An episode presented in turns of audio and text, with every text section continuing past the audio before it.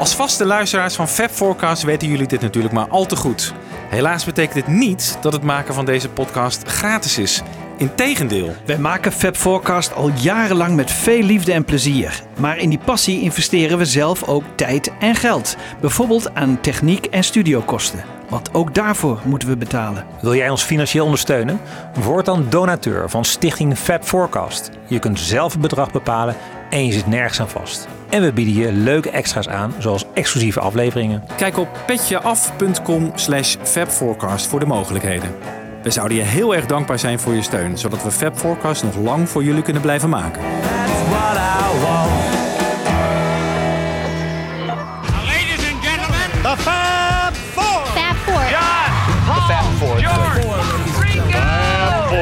Four. Fab Four. We have for you the Fab Four. The Fab Four. Fab Forecast.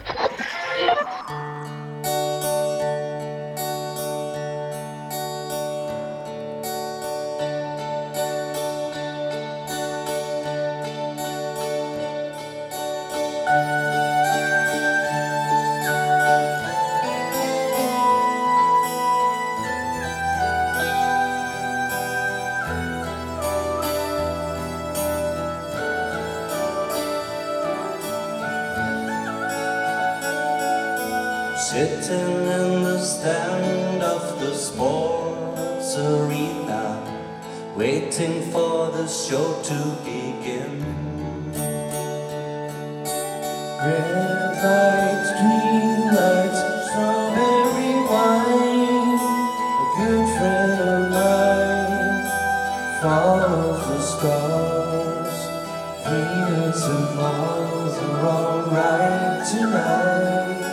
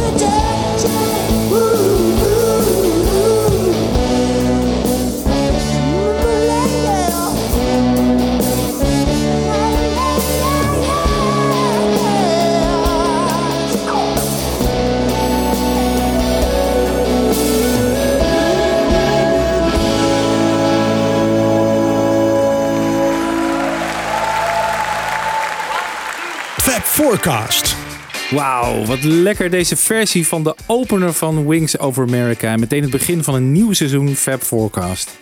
Goeie vakantie gehad allemaal. Ik ben Wiebo en samen met Michiel en Jan Kees ben ik eh, weer helemaal klaar voor een nieuw seizoen. En we beginnen deze 187ste aflevering meteen met een knaller. Want, wat hoorde je? Dat was de gelegenheidsformatie Strange Brew. Met onder andere Anna Soldaat, Roel van Velsen, Bertolf, Stefanie Struik, Jork van Noorden.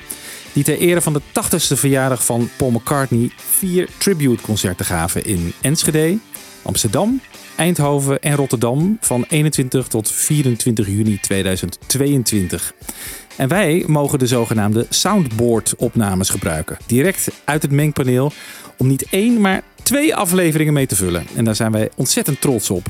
De mooiste opnames die ga je exclusief horen hier in Fab Forecast. Afgewisseld met interviews die we met bezoekers en backstage met de artiesten hebben gedaan.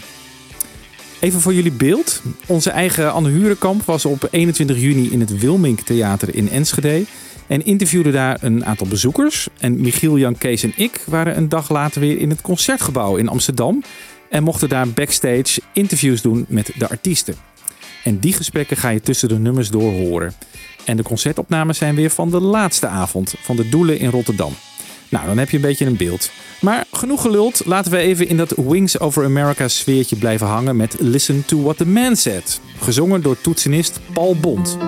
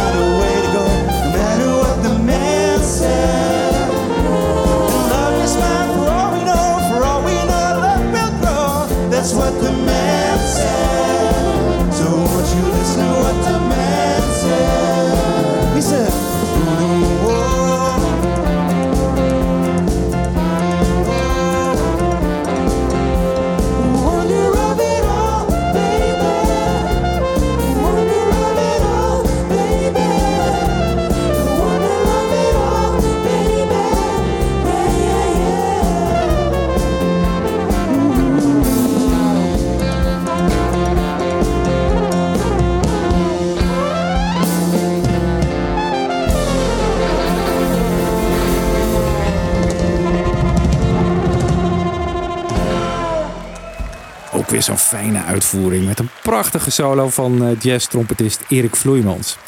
En die Erik Vloeimans die horen we ook in een andere McCartney-klassieker. Eens kijken of je het herkent, want zo heb je het nummer vast nog nooit eerder gehoord.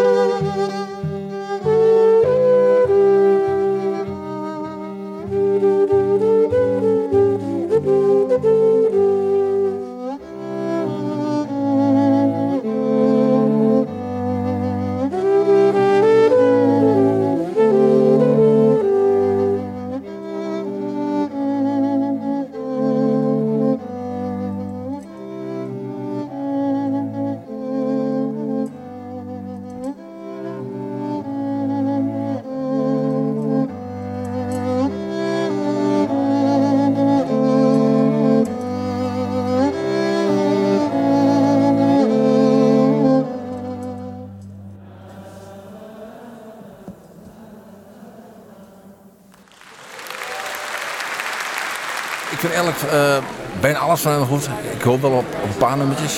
Blackbird, uiteraard. Toch wel een van zijn eh, betere nummers.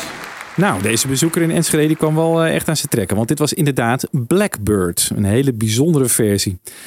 De grote musical director van deze concertreeks is een vriend van de show, Jorik van Noorden. En Michiel en ik spraken Jorik voorafgaand aan het concert in Amsterdam over wat het nou precies inhoudt, musical director. Ja, ik heb de setlist samengesteld van de avond en, en heel erg geprobeerd daarbij om ja, te bedenken wat is de show die ik zou willen zien van Paul, rekening houdend met het grote publiek. Dat Inderdaad, dat lijkt me lastig inderdaad. Want ik denk dat heel veel mensen hier ook komen eh, Mhm. die niet zo diep in de Beatles en McCartney zitten. Die denken van, oh leuk, een Beatle-avond met alle bekende hits. Let It Be en eh, Yesterday en dergelijke. Ja, die- maar komen er veel voorbij, maar ook heel veel niet. Maar ik vond het leuke gisteren dat juist ook liedjes als, als Wildlife en Uncle Albert... die kregen echt eh, extra respons. Oké. En dat Ja. je toch merkt dat het voor sommigen een veradem is... om dat een keer live te horen. Ook al zijn we natuurlijk gewoon een ordinaire coverband. Maar dat was wel heel leuk. Ja, Wildlife, Uncle Albert Live, die ga je nog horen, don't worry. We vroegen Jorik ook nog iets onmogelijks. Want als hij nou uit de hele lange carrière van Paul McCartney iets zou moeten kiezen dat voor hem een ultiem moment is, wat zou dat dan zijn? Nou ja, bij Jorik worden dat uiteraard meerdere momenten. een paar momenten die me te binnen schieten. Ehm, Rubber Soul was wel de eerste, het eerste album wat me echt greep. Die ik dan draaide op mijn kamer. En, en zo'n liedje als You Won't See Me, dat eh, was wel echt meteen zo van wauw, weet je wel. En nog steeds als ik dat hoorde, het is gewoon zo geweldig. De sound, de klank, de melodie, de harmonie, alles klopt. En dat was wel echt een moment. En de eerste keer ik hem live zag, was echt een moment. Dat was in Antwerpen, volgens mij op eh, 1 april 2003 met de Back in the World Tour. Ja, dat was de eerste keer, dus dat was heel speciaal. Ik was daar met mijn vader samen. Ik was de dag ervoor jarig geweest en dit was het verjaardagscadeau. Dus dat was ontzettend leuk. En we moesten zitten in het Sportpaleis in Antwerpen. En op een gegeven moment ja, gingen mensen een beetje staan. En toen ben ik ook gaan staan op, op een stoel. En ik zat best wel vooraan. En toen op een gegeven moment was ik een van de weinigen die stond op die stoel. Dus toen keek hij me aan. En dat was dan ook wel toch wel een bijzonder moment als tiener. Weet je wel. Zo van wauw, weet je Oog in oog met mijn grote held. Ja, volgens mij was ik daar ook in Antwerpen trouwens. Ik weet niet of hij daar meerdere avonden stond, maar ik, ik was in 2003 ook in dat sportpaleis. Jij ook. Oh, wat leuk. Wat joh. mij dus bijstaat, is dat, dat ik zat op de tribune en je kon daar heel makkelijk de arena binnen wandelen. Weet je dat nog? Je kon gewoon naar voren lopen Mm. Ja, in het ja. gangpad. Ja, in het begin hielden in- ze mensen nog tegen. Ja, klopt. En. Ziggo zou dat nooit kunnen, want je zit, is gewoon allemaal afgeschermd. En daar kon je gewoon naar voren wandelen. Ja, op een gegeven moment was het hek van de dam. Ja. Toen hielden ze het niet meer tegen. Dus, dus bij het eind stond ik ook wel helemaal vooraan. En ja, dat was toch ook wel leuk. Ja. de- een, een latere keer eh, stond ik ook met, met mijn broertje en een vriend van me helemaal vooraan. En dat was dan ook wel leuk. Want dan bij Hey Jude, dan ging die camera zo langs de eerste rij waar wij zo stonden. Zo, ah, dat is toch leuk. Leuk herinnering. Ja, toch samen gezongen met Paul hè, in Hey Jude. Dat Ja, is in altijd zekere zin. Ja. en wat ga je vanavond eh, spelen? Of zingen? Eh, ja, wat ga ik ook alweer doen? Je bent toch niet vergeten, Jorik? Eh, het eerste liedje wat ik ga doen is Every Night.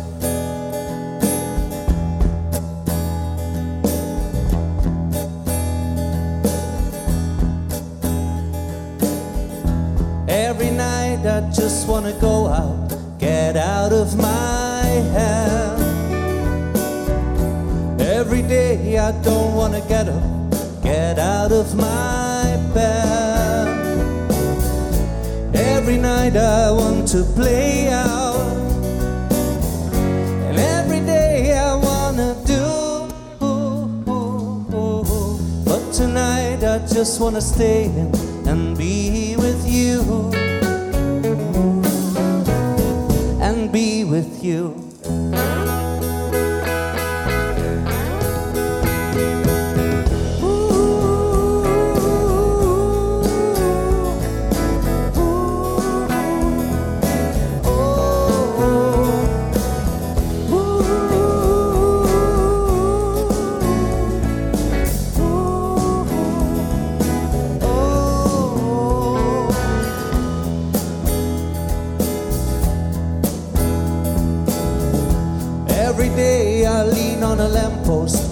Wasting my time. Every night I lay on a pillow, just resting my mind. Every morning brings a new day, and every night that day is through. But tonight I just wanna stay and be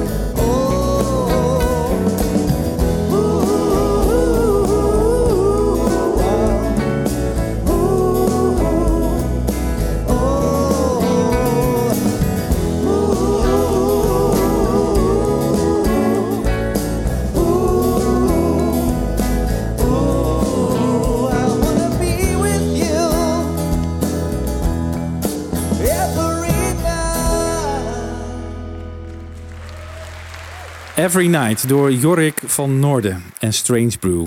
Iemand die we backstage ook spraken was singer-songwriter Stephanie Struik.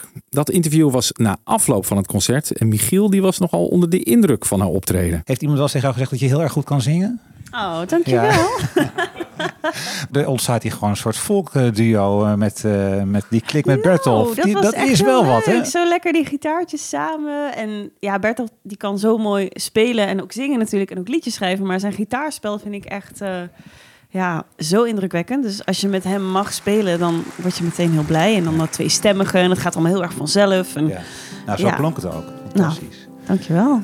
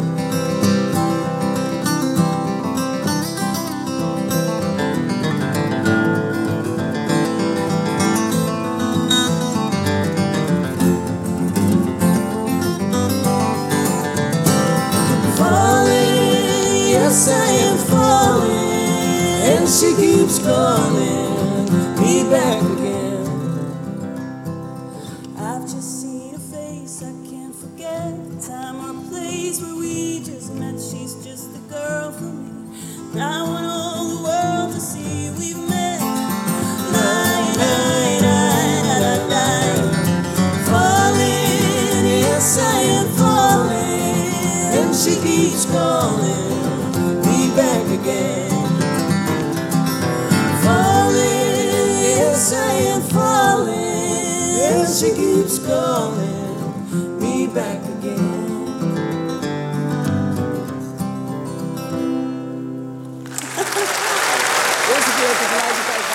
Fab Forecast.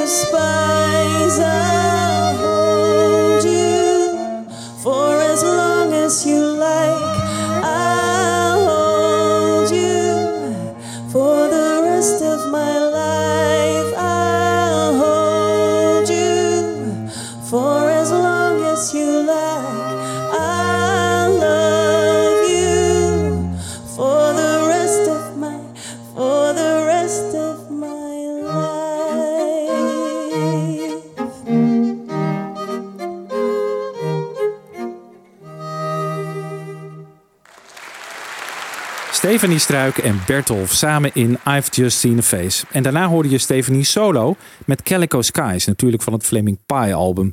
En Michiel die vroeg Stephanie of het haar eigen keuze was om Calico Skies te zingen. Zeker, ja. ja. Ik vind het een prachtig liedje, ja.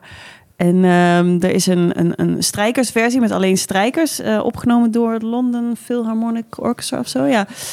En eh, dus van die versie zijn we dan uitgegaan. En eh, ja, dat, dat is een feestje om te doen. Het, is veel te kort.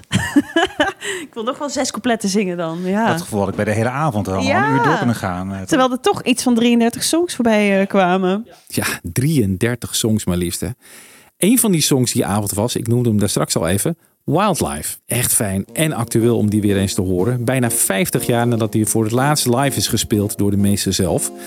En een andere meester zong Wildlife tijdens het tributeconcert. En die meester is Anne Soldaat.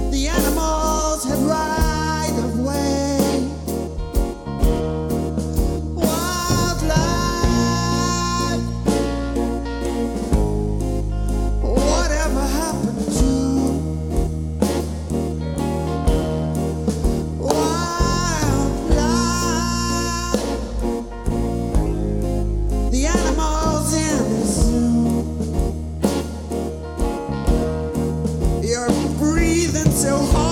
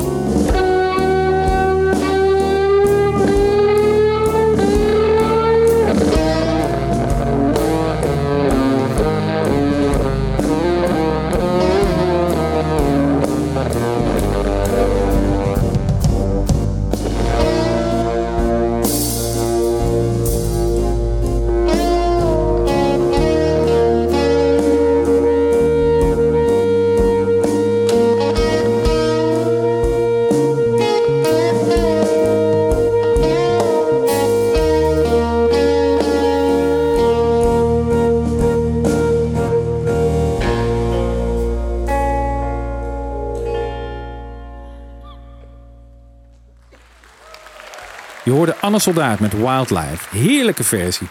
En even terug naar die avond in het concertgebouw. Want het was op een gegeven moment pauze. Michiel en ik die liepen naar de bar. En wie we nou onderweg tegenkwamen, dat was niemand minder dan Ivo Nie. En Michiel die stootte me aan en die zei... Hey, vraag even of we me kunnen interviewen. En ik, ja, ik luister altijd heel erg goed naar Michiel. Dus ik stapte op Ivo af en vroeg hem of we even kort konden spreken. Nou, dat vond hij prima. We zochten een rustige ruimte op. Dat werd het trappenhuis. Want waarom wilden we Ivo nou zo graag spreken? Nou, hij is een van de weinige Nederlandse interviewers die zowel Paul als George heeft gesproken voor zijn Tros TV-show. Paul sprak hij rond 2001 en George in 1987, ten tijde van het album Cloud9. En dat interview had ik destijds opgenomen op een VHS-band en heel, heel, heel vaak gekeken. Wel een beetje off-topic hoor in zo'n McCartney-show, maar ik vroeg Ivo als eerste naar dat George Harrison-interview. En daar had hij wel een heel interessante anekdote over. Het is een memorabel interview, want het was bij hem thuis. Maar hij had, eh, bij hem thuis, hij had een soort kas waarvan je denkt, nou, daar worden allemaal klanten uh, grootgebracht. Ja. Maar dat was uh, de plek waar hij het liefste zat, eigenlijk. En uh, dat kan ik nu wel verklappen. hij had in die tijd een Nederlands vriendinnetje. Dat is nooit uitgelekt en die kende ik ook heel goed. En hij kwam om de drie weken even stiekem naar Nederland, een weekend. Oh, echt? Ja, oh. dit is groot nieuws, maar ik ga de namen niet noemen, dus wat dat betreft heb je er weinig aan. Maar ehm, het gekke was, en ik kwam er ook achter, dat hij toen het interview voorbij was, maar de camera nog liep, deed hij haar ook even de groeten. Dat nauwelijks verstaanbaar. give my regards to, nou ik zal het niet zeggen. Maar ik heb het met haar, omdat ik haar goed ken, nog over gehad. En het is inderdaad waar. Dus ah, okay. dit is een mooi verhaal. Ja, we wisten wel dat George af en toe een vriendinnetje erop nahield. Zeker in de, in de Beatles-tijd. Ja. Maar dus uh, in 1987, toen hij zelf al, denk ik, in de 40, ver in de 40 was, dus ook nog. En nu heeft ook Paul McCartney uh, geïnterviewd. Ja, Paul is een verhaal apart. We waren ooit bij Linda McCartney, want die had een soort uh, vegetarische pizza's op de markt gebracht. Ik weet niet of je dat kan ja, herinneren. Zeker. Over het proza van het leven. En uh, ze hadden wel gezegd, nou, als het nou een beetje mee zit, komt hij nog wel even naar boven. Het was in, in de molen, hè, een van de plekken waar zij wonen. Ja. En um, het interview was eigenlijk heel vervelend. Na iedere vraag, en dat hebben we één keer eerder meegemaakt bij de eerste vrouw van Donald Trump, riep de visagiste stop, ging even de haar doen. Dus er kwam eigenlijk nooit tot een echt gesprek. Het was echt duidelijk dat het een commercieel ding voor Linda McCartney was. Hè. Die wilde haar spullen aan de man brengen. Ja. Ontzettend aardige vrouw trouwens verder. En prachtige opnames buiten kunnen maken met dat ze op het paard zat en dat soort dingen. Dus daar lag het niet aan. Maar we hadden op een gegeven moment hadden we het helemaal gehad, dus we pakten in. En uh, ja. alles was net ingepakt. En wat hoorden we beneden? Joehoe! Daar kwam Paul. Nou ja, toen was dat te laat. Dus die kans hebben we wel echt eindeloos gemist. Niet veel later, ik denk een jaar of drie later, kregen we alsnog de kans. En toen, uh, ik vond hem onwaarschijnlijk sympathiek. Uh, een historische fout die wij daar maakten en waar ik ook kwaad om was, was dat de vaste cameraman die we toen hadden, eerst voor het interview met hem op de foto wilde. En ja, dan kan ik ontploffen, want dat vind ik zo amateuristisch. Maar dat Ja. deed hij ook met een glimlach. Ja. En eh, verder was dat een heel prettig gesprek. En het is een genie natuurlijk toch. Absoluut. En nou staat McCartney bekend als iemand die natuurlijk eindeloos vaak is geïnterviewd. Eh, ik neem ook aan als je in de voorbereiding naar zo'n interview toe gaat, dat je wil voorkomen dat hij weer de geëikte antwoorden gaat geven. Hoe probeer jij als meester interviewer hem toch een beetje van off guard te krijgen? Dat hij wat Nou, dat spontaan lukt je is? gewoon niet. Ik zeg altijd, eh, onbekende mensen zijn veel interessanter om te interviewen. Want eh, met name types als McCartney kennen het idioom van het interview... en gaan echt geen valkuil voor zichzelf organiseren, als je dat al zou willen. Ik doe het soort interview waarvan jarenlang gezegd werd... ik hoor het nu een decennium gelukkig niet meer... van hij vraagt niet door en is niet kritisch. En dan zeg ik altijd, ja, moet ik dan bij Barbara Streisand binnenkomen... en bij vraag 2 zeggen, ja, dat tweede nummer van het nieuwe album... dat is werkelijk helemaal niks. Je staat meteen weer buiten. Ja. Hè, wat je probeert is toch een beetje een profiel van de mensen te geven en, en ze op hun gemak te laten voelen. En dat lukt wel meestal. Maar bij McCartney is dat geen kunst, want eh, de sympathie is er vanaf het eerste seconde. Ja, toch leuk om even wat achtergrondinformatie bij die interviews te krijgen. Alhoewel ik meen dat het interview met George niet bij hem thuis was, maar op locatie ergens in de buurt van Londen. Maar goed, ja, dat doet er niet toe. Wat vond Ivo het mooiste nummer van de avond? Wat ik het mooiste vond was eh, de instrumentale versie. Jij weet wat, eh, waar de instrumentale versie was met de horen, de cello. Eleanor Rigby. Eleanor Rigby, instrumentaal, was ontroerend. Dat betekent dus dat die muziek ook instrumentaal kan bestaan. Is een taak voor eh, Nederlandse muzici om eens één keer een goed album te maken met de beste stukken van de Beatles en van McCartney die zich lenen voor een instrumentale uitvoering. Want ik vond het ontroerend, zonder stem.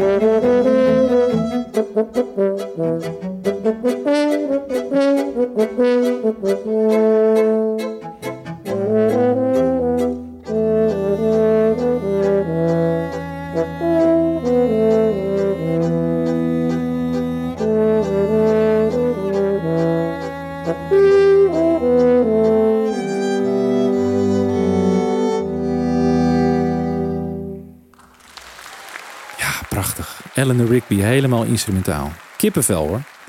Een van de andere artiesten die we backstage spraken was Pablo van der Poel, frontman van de rockband De Wolf. Die band die had ik een paar weken daarvoor live gezien en ik vond het bijzonder dat Pablo in de line-up van dit McCartney-concert zat. En dat komt omdat de sound van De Wolf toch echt heel anders is dan die van McCartney. McCartney is meer van de compacte melodische liedjes en De Wolf ja, echt van de scheurende gitaarriffs, vette psychedelische grooves. Maar Pablo die zag dat toch anders. Ik ben echt mega Beatles fan. Dat begon toen ik eh, best wel laat, eh, toen ik 16 of 17 was. Toen kocht mijn vader ook toen pas, dus hij was toen, oud was hij? 40 of zo? Zijn eerste Beatle eh, CD. Dat was, dat was volgens mij een revolver en dat stond thuis de hele tijd op vanaf dat moment. En toen ben ik daar helemaal in verdwaald. Toen heb ik, denk een jaar of drie, alleen maar de Beatles gedraaid. Kon niks anders vinden dat ik mooier of beter vond dan dat. Ja. En ehm nou goed, dat zit wel een beetje, dat, zit er gewoon in. Dat is wel die psychedelische fase natuurlijk een beetje waar de Beatles toen in zaten. Dat hoor ik ook wel terug in, eh, in jouw muziek eh, in De Wolf. Is dat Ja. wat je geïnspireerd heeft of is dat... Ja, ik, eh, Revolver was toen wel... Mijn, mijn, nu, ja, mijn favoriete Beatles-plaat is eigenlijk wel die laatste, Abbey Road. Oké, ja. Dat is mijn favoriet. Ik weet niet of die psychedelisch is. Hij is wel heel... eh, Mm, nee. Zou niet hè? echt psychedelisch Er staan echt prachtige, prachtige nummers op natuurlijk. Ja, absoluut, absoluut. Maar ja, goed, dat is met elke plaat het geval. Ja. En, En, eh, sinds die documentaire Get Back. Want die- die- Ja. ik heb die documentaire dus natuurlijk gezien toen die uitkwam. En eh, die vond ik zo inspirerend. Toen ik die had gezien was ik dus oké, volgende plaat gaan we ook alles live opnemen. En Ja. kreeg ik ineens allemaal ideeën voor een nieuwe plaat. Nou, kortom, Pablo is gewoon een mega Beatles-fan. Daar zat ik dus even helemaal naast. Kan gebeuren. En qua McCartney solo is hij trouwens groot liefhebber van Ram. En welk nummer vond hij nou het leukst om te spelen? Leukste om te spelen vond ik, denk ik, ehm The Backseat of My Car. Dat is Ja. misschien ook wel een van mijn favoriete McCartney-nummers. Maar het is wel echt fucking moeilijk, eh, vond ik. Want gisteren speelde we hem ook in Enschede. En toen is het natuurlijk... Normaal maakt het misschien niet zo uit met een bandje... als je zo van eh, iets dubbel zo lang per ongeluk doet... en dan ga je weer verder waar je was gebleven. Maar nu zijn er strijkers bij, dus alles moest wel in een bepaalde, een bepaalde lengtes worden gespeeld. Al zijn ze ook heel goed in dat eh, horen en dat oppikken. Maar gisteren, eh, ja, dat, dat liedje zit zo gek in elkaar. Dat lijkt net alsof bepaalde stukken gewoon geknipt en aan een ander stuk vastgeplakt zijn. En we spelen het precies als op de plaat. En ik Ja. was eh, het spoor even bijster gisteren. ik had echt notities gemaakt. En die waren dus vandaag kwam kracht dat die verkeerd waren. En dat- het ging dus ook verkeerd.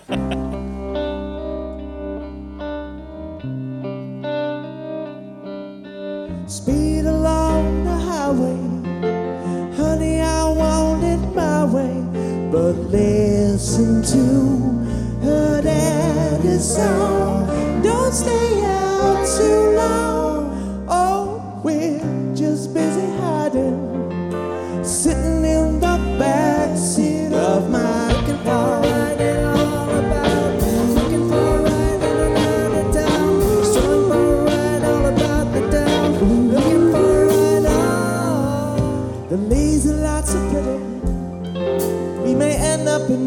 consider, but listen to her daddy's song.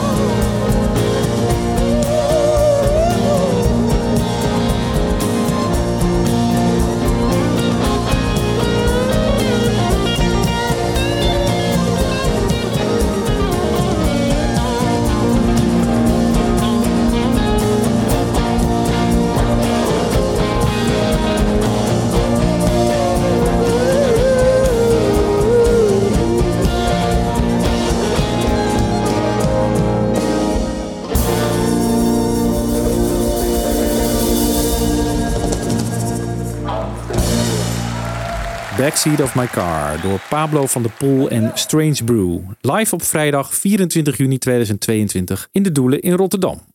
Rem kwam trouwens vaak terug in de gesprekken die wij hadden. Zoals met ceremoniemeester van de avond Gijs Groenteman. Hij praatte de boel aan elkaar en deed gesprekken met de artiesten op het podium. En wij spraken Gijs backstage en dit is wat hij zei over Ram. Ik heb zo'n diepe, diepe liefde voor Ram. Dat zal maar zeggen, het, het feit dat hij die plaat is gaan opnemen en dat die bestaat.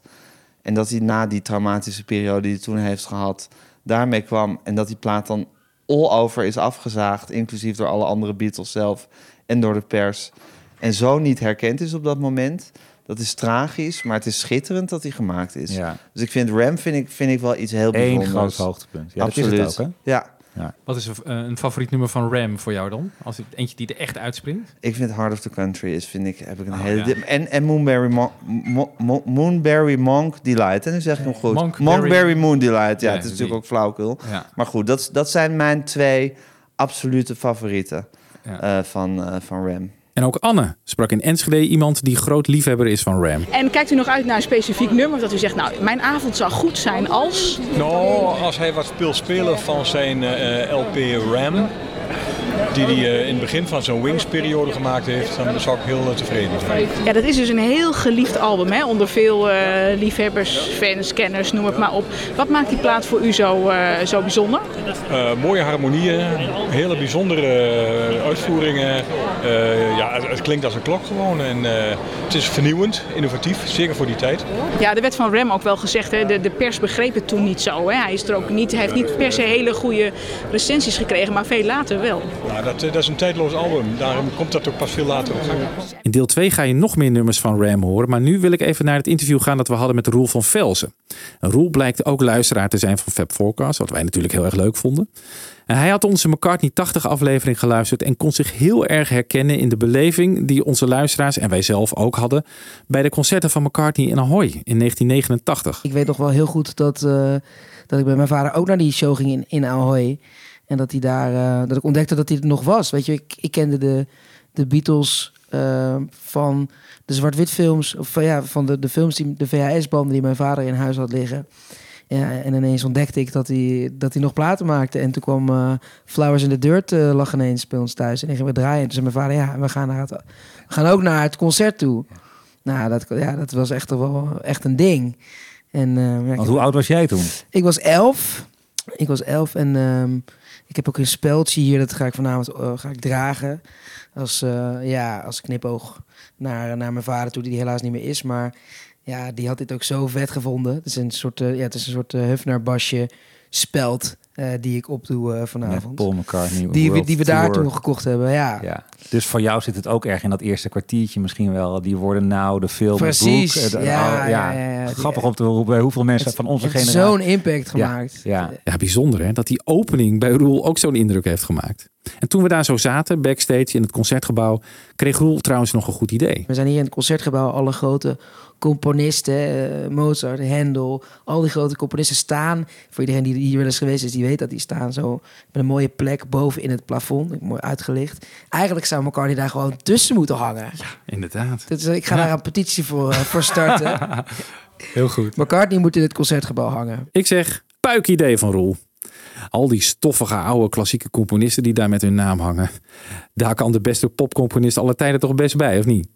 Of moet daar zelfs bij, want hij heeft de notabene ook opgetreden in 1972 in het Concertgebouw. En voordat we zo het laatste nummer van deze aflevering gaan draaien, wil ik er nog even op wijzen dat er ook een deel 2 komt van deze concertregistratie. Met daarin uitgebreid aandacht voor gitaarvirtuoos Bertolf. Veel kleine mooie liedjes en nog meer persoonlijke verhalen van de artiesten. Tot de volgende. En wij sluiten deze aflevering af met het favoriete McCartney-nummer van Roel van Velsen, dat hij ook zelf mocht zingen die avond. Doei! get back home once.